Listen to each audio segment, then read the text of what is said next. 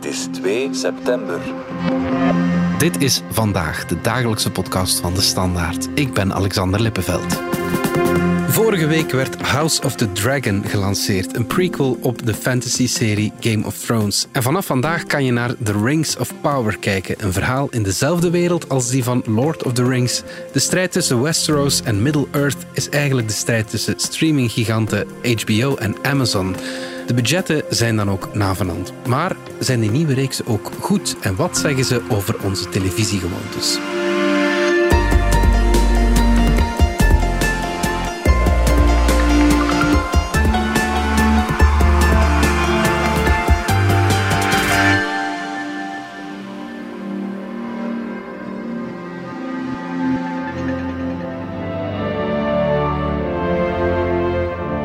Soundtrack herken je vast wel. Het is die van Lord of the Rings, de legendarische trilogie gebaseerd op de boeken van J.R.R. Tolkien. Het volgende muziekje, dat herken je misschien ook.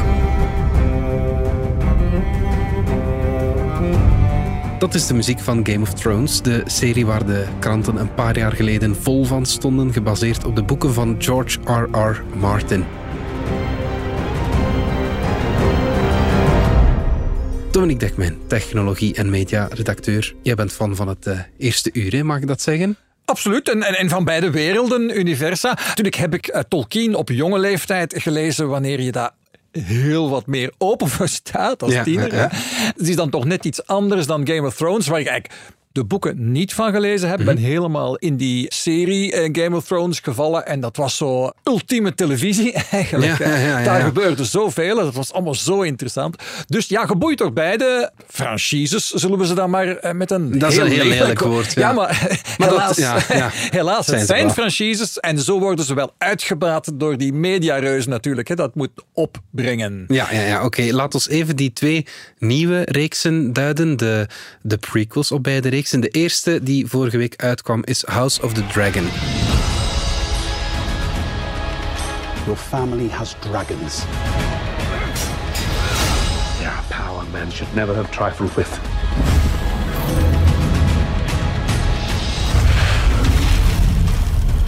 Vertel eens, waar gaat die over? Eh, ja, waar gaat het over? De familie Targaryen, die we al kennen. De witharige ex-koninklijke familie Ja. is dat dan eigenlijk in Game of Thrones. Hè? Want Ja. we kennen alleen Daenerys Targaryen, Ja. die graag terug op de ijzeren mother troon of dragons, wil gaan zitten. eh, The dat. Mother of Dragons. Wel ja, de nieuwe reeks heet House of the Dragon. En jawel, het huis Targaryen, haar familie, haar voorgeslacht, die waren honderden jaren lang, namelijk 300 jaar lang, hebben die op die ijzeren troon gezeten. Ja. En dat had George R.R. Martin, de auteur van de boeken waarop Game of Thrones gebaseerd is, daar had hij al een, een boekwerk over geschreven. En dat heette Fire and Blood. En dat was de geschiedenis van de Targaryens, een soort middeleeuws verslag van een familiegeschiedenis. Ja. Dat heeft men dan als uitgangspunt genomen voor een nieuwe Game of Thrones. En ja, dat... eh, En dat, situeert zich 200 jaar voor de tijden van Game of Thrones, waarin Ja, het zich dat- afspeelt. Hè? Wat Ja, het ja. voordeel heeft dat je met een nieuwe groep acteurs kunt beginnen die je ja, minder moet betalen bijvoorbeeld. Dat scheelt, ja, dat scheelt ook weer.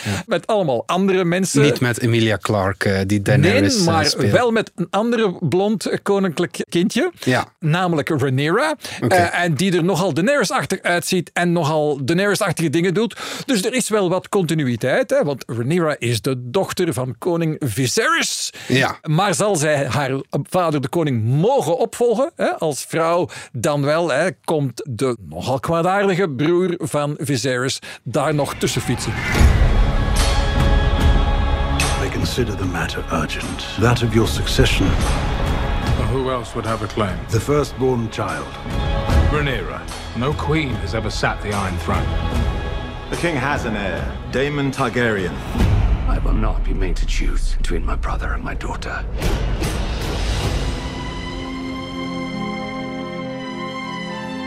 De grote concurrent die komt deze week, vandaag om precies te zijn, dat is The Rings of Power.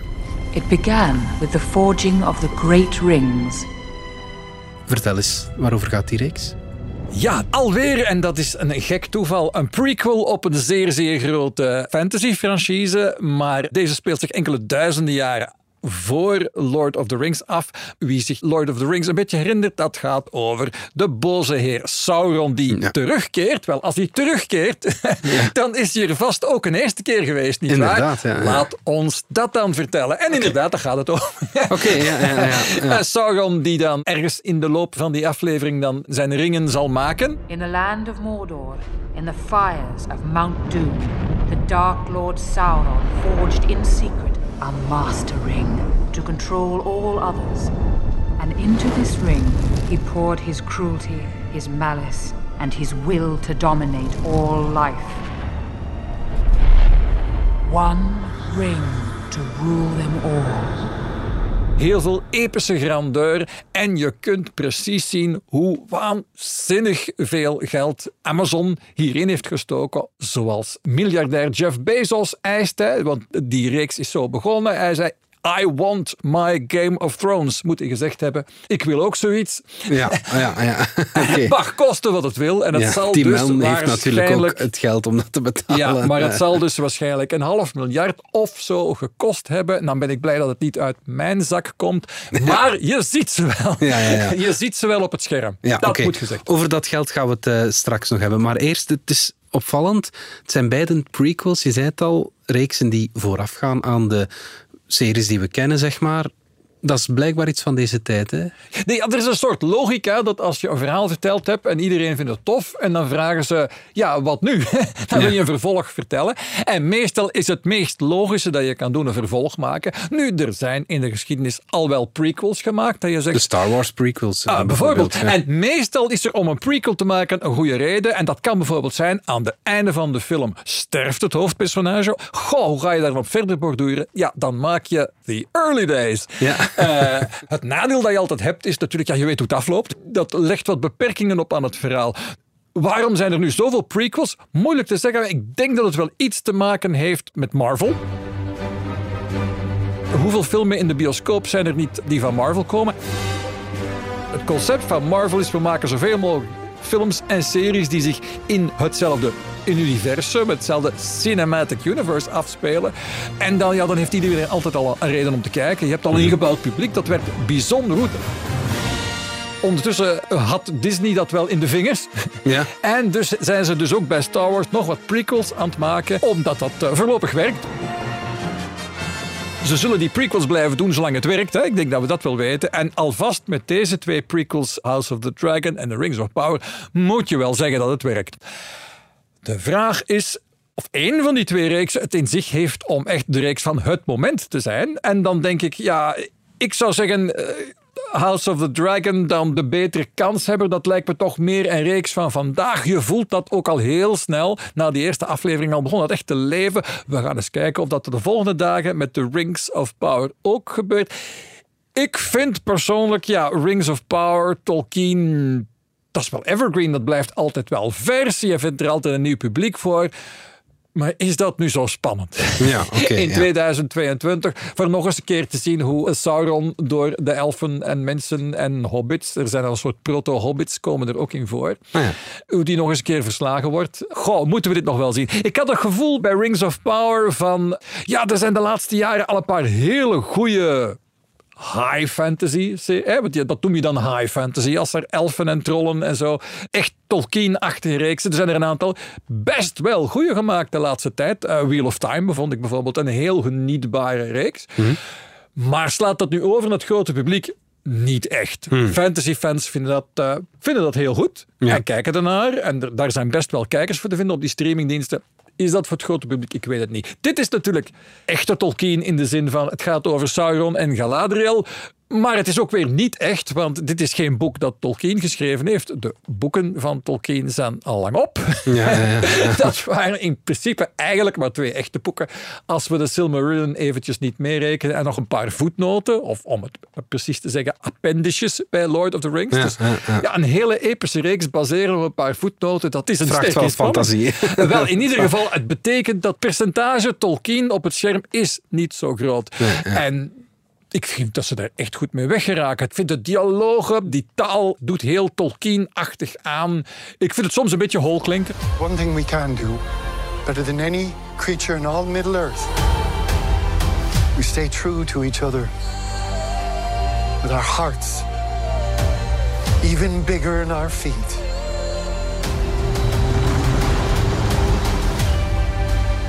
Soms heb ik de indruk van, ja, het klinkt helemaal Tolkien, maar Ja, daarom is het is het eigenlijk geen onzin. Ja. En kan je het ook bekijken zonder de rest eh, gezien te hebben? Wel, je zult online massa's artikels vinden wat je allemaal moet weten voor je begint aan The Rings of Power. En ik kan iedereen geruststellen, je moet niks vooraf weten. Het wordt allemaal zeer omstandig uitgelegd, Oké, ja. want snel gaat het dus niet echt. We gaan er even uit voor een boodschap. Maar Dominique, jij zit ook in die boodschap. Goed nieuws, Bits en Atomen is terug. Met Dominique Dekpijn. en Pieter van Doren. En deze week over... Ik ga het onder meer hebben over Peter Zatko, de klokkenluider bij Twitter, die daar nogal wat onfrisse zaken heeft opgegraven die dat bedrijf miljarden zullen kosten. En ik heb het over de wetenschap die half en half bevestigt dat het monster van Loch Ness wel eens zou kunnen bestaan. Een nieuw seizoen Bits en Atomen. Vanaf deze vrijdag onder andere in de DS Podcast app. Goed, we hebben het eh, over streaming. Dominique, die reeksen, die twee reeksen met die budgetten in dat genre, zouden die ook ontstaan zijn als de invloed van streaming niet zo groot was eh, geweest? Want vroeger was fantasy, je zei het al, dat was toch een niche-genre. Hè? En wel, er zit een heel historiekje aan. Het is natuurlijk begonnen met de oorspronkelijke Lord of the Rings filmtrilogie van Peter Jackson. Hè. Dat Begin was- jaren eh, 2000, ja. And the Oscar goes to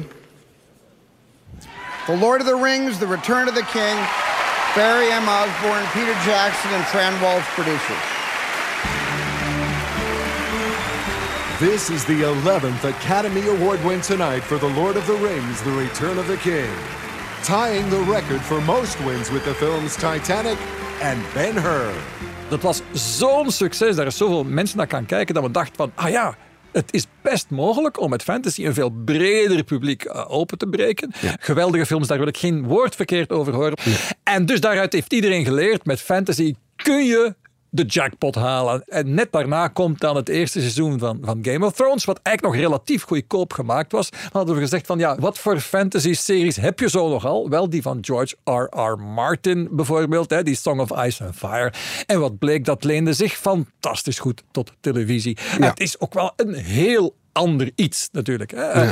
Aan Game of Thrones was dat het zo breed is gegaan, is, vind ik juist, omdat het eigenlijk helemaal geen fantasy was. Of tenminste, de fantasy was een beetje achtergrond, was een beetje een vertrekpunt. Maar wat je krijgt is, maar pas tegen het einde hier en daar een draak en ja, iets eh, zombie-achtig. Hè? Ja. Eh, had je toch vooral veel machtige families. Het was meer een soort middeleeuws verhaal. Ja, eh, sowieso. Het middeleeuwse decor woog al veel zwaarder dan de fantasy-elementen. En binnen dat middeleeuwse decor kreeg je toch vooral intriges en politiek. Ja, en veel geweld en veel naakt. Ja, en dat ook nog. Voilà, wie daar zijn gading niet in vond. Eh, het, het was voor elk wat wils en dat werkt ook bijzonder goed. Eigenlijk was er nog nooit zoveel mensen tegelijk naar hetzelfde gekeken dat geen sport was, zullen we maar zeggen, als Game of Thrones. hè. Ook omdat het eerder niet kon natuurlijk. Je had opeens een streamingbedrijf dat overal in de wereld actief was. En dus in plaats van dat bijvoorbeeld eh, Europa dat een jaar na Amerika krijgt en Azië nog een jaar later, was iedereen plots tegelijk aan het kijken naar iets. Dat was ook nieuw, maar hoe dan ook. Ja, Game of Thrones was een wereldwijd evenement. Dat hadden we nog niet gezien. En dan is het logisch dat iedereen zegt... Ja, we willen dat Daar gaan we overdoen. voort, Maar- ja, tuurlijk, en hoe ja. doen we dat dan? En ja, dan is iedereen naar fantasy gaan kijken. En dan hebben we dingen als The Witcher gekregen op Netflix. I've heard tales of your kind, Witcher. We don't want your kind here. Hunting monsters for a price. I thought you'd have fangs or horns or something. I had them filed down. Wat ik met plezier bekijk. En dat eh, een beetje dommer en meer domme pret, denk ik. Ja, ja, ja, inderdaad. Ja, ja. De marketingbudgetten die zijn ook eh, gigantisch los van de productiebudgetten. Ik vraag me af, hebben zo'n reeksen zo'n marketingbudget dat ja, buitensporig is, hebben die dat nodig? Er werd niks aan het toeval overgelaten. En inderdaad wordt gezegd dat House of the Dragon met een budget van 100 miljoen dollar is gelanceerd. Wat voor films heel gewoon is, maar voor series nog nooit gezien.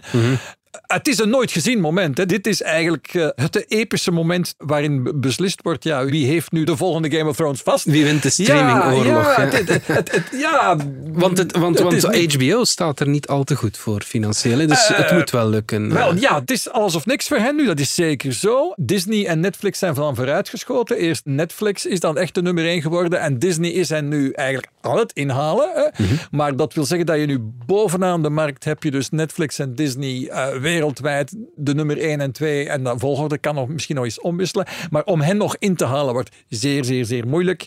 Daarom is Warner, dan het moederbedrijf van HBO, eigenlijk aan het fuseren met Discovery, wat een groep is met heel veel streamingklanten. Ja. En als we die dan samenvoegen, zijn we toch weer net groot genoeg. Het probleem daarmee is dat het bedrijf waarmee ze fusioneren, de Discovery eigenlijk meer met reality en zo bezig is. En, en een veel, veel minder kwaliteitsimago heeft dan HBO. Okay, ja. Dus ze gooien die twee nu samen en samen zijn ze best wel groot.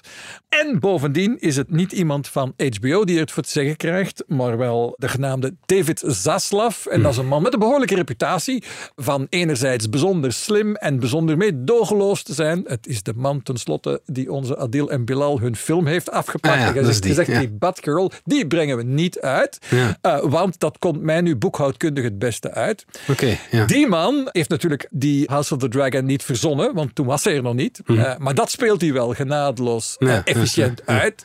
Maar dingen waar hij denkt van, ja, daar lopen we toch een risico mee. Daar zet hij even genadeloos het mes in. Hij heeft ook uh, de streamingversie van Amerikaans nieuwszenders, CNN Plus heet dat. Ja, Ja. Al, die, al die streamingdiensten hebben een plusje in de naam. Die heeft hij gewoon, ja, die was amper gelanceerd. En ik denk, ik denk dat die dienst twee weken gelanceerd was toen Zaslav het voor het zeggen kreeg. En die heeft gewoon gezegd van stoppen.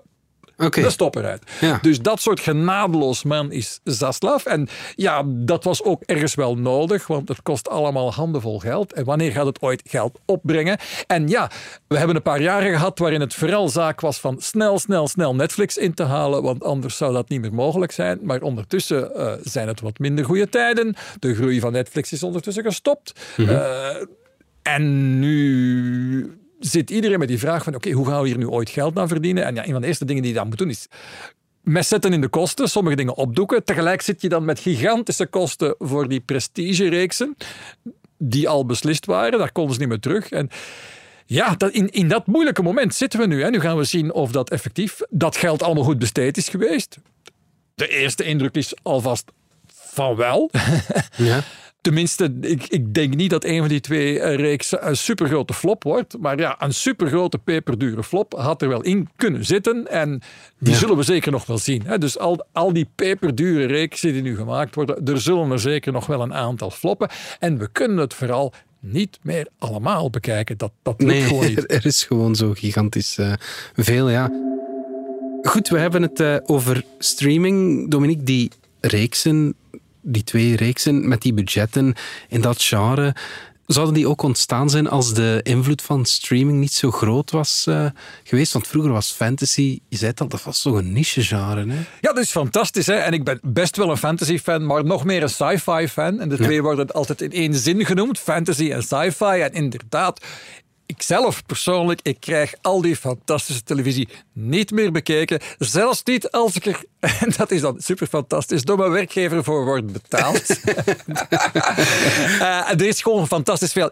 Kon dat zonder streaming? Nee, ondenkbaar geweest. Streaming heeft het mogelijk gemaakt om eigenlijk niches die relatief klein zijn, maar waar je wel fanatieke mensen vindt die alles gezien willen hebben, van die niches wereldwijd samen op te tellen. Hè. Je kunt echt alle sci-fi fans van de wereld samen tegelijk hetzelfde ding laten kijken en hetzelfde fantasy ding. Dus dat is al één ding. Plus het feit, ja, door zo'n hardcore fanbasis aan te spreken, ja, dat zijn typisch mensen die er geld voor over hebben. Dat, Ja. dat werkt gewoon. En dit zijn dingen die inderdaad op, op gewone televisie wellicht nooit hadden gekund.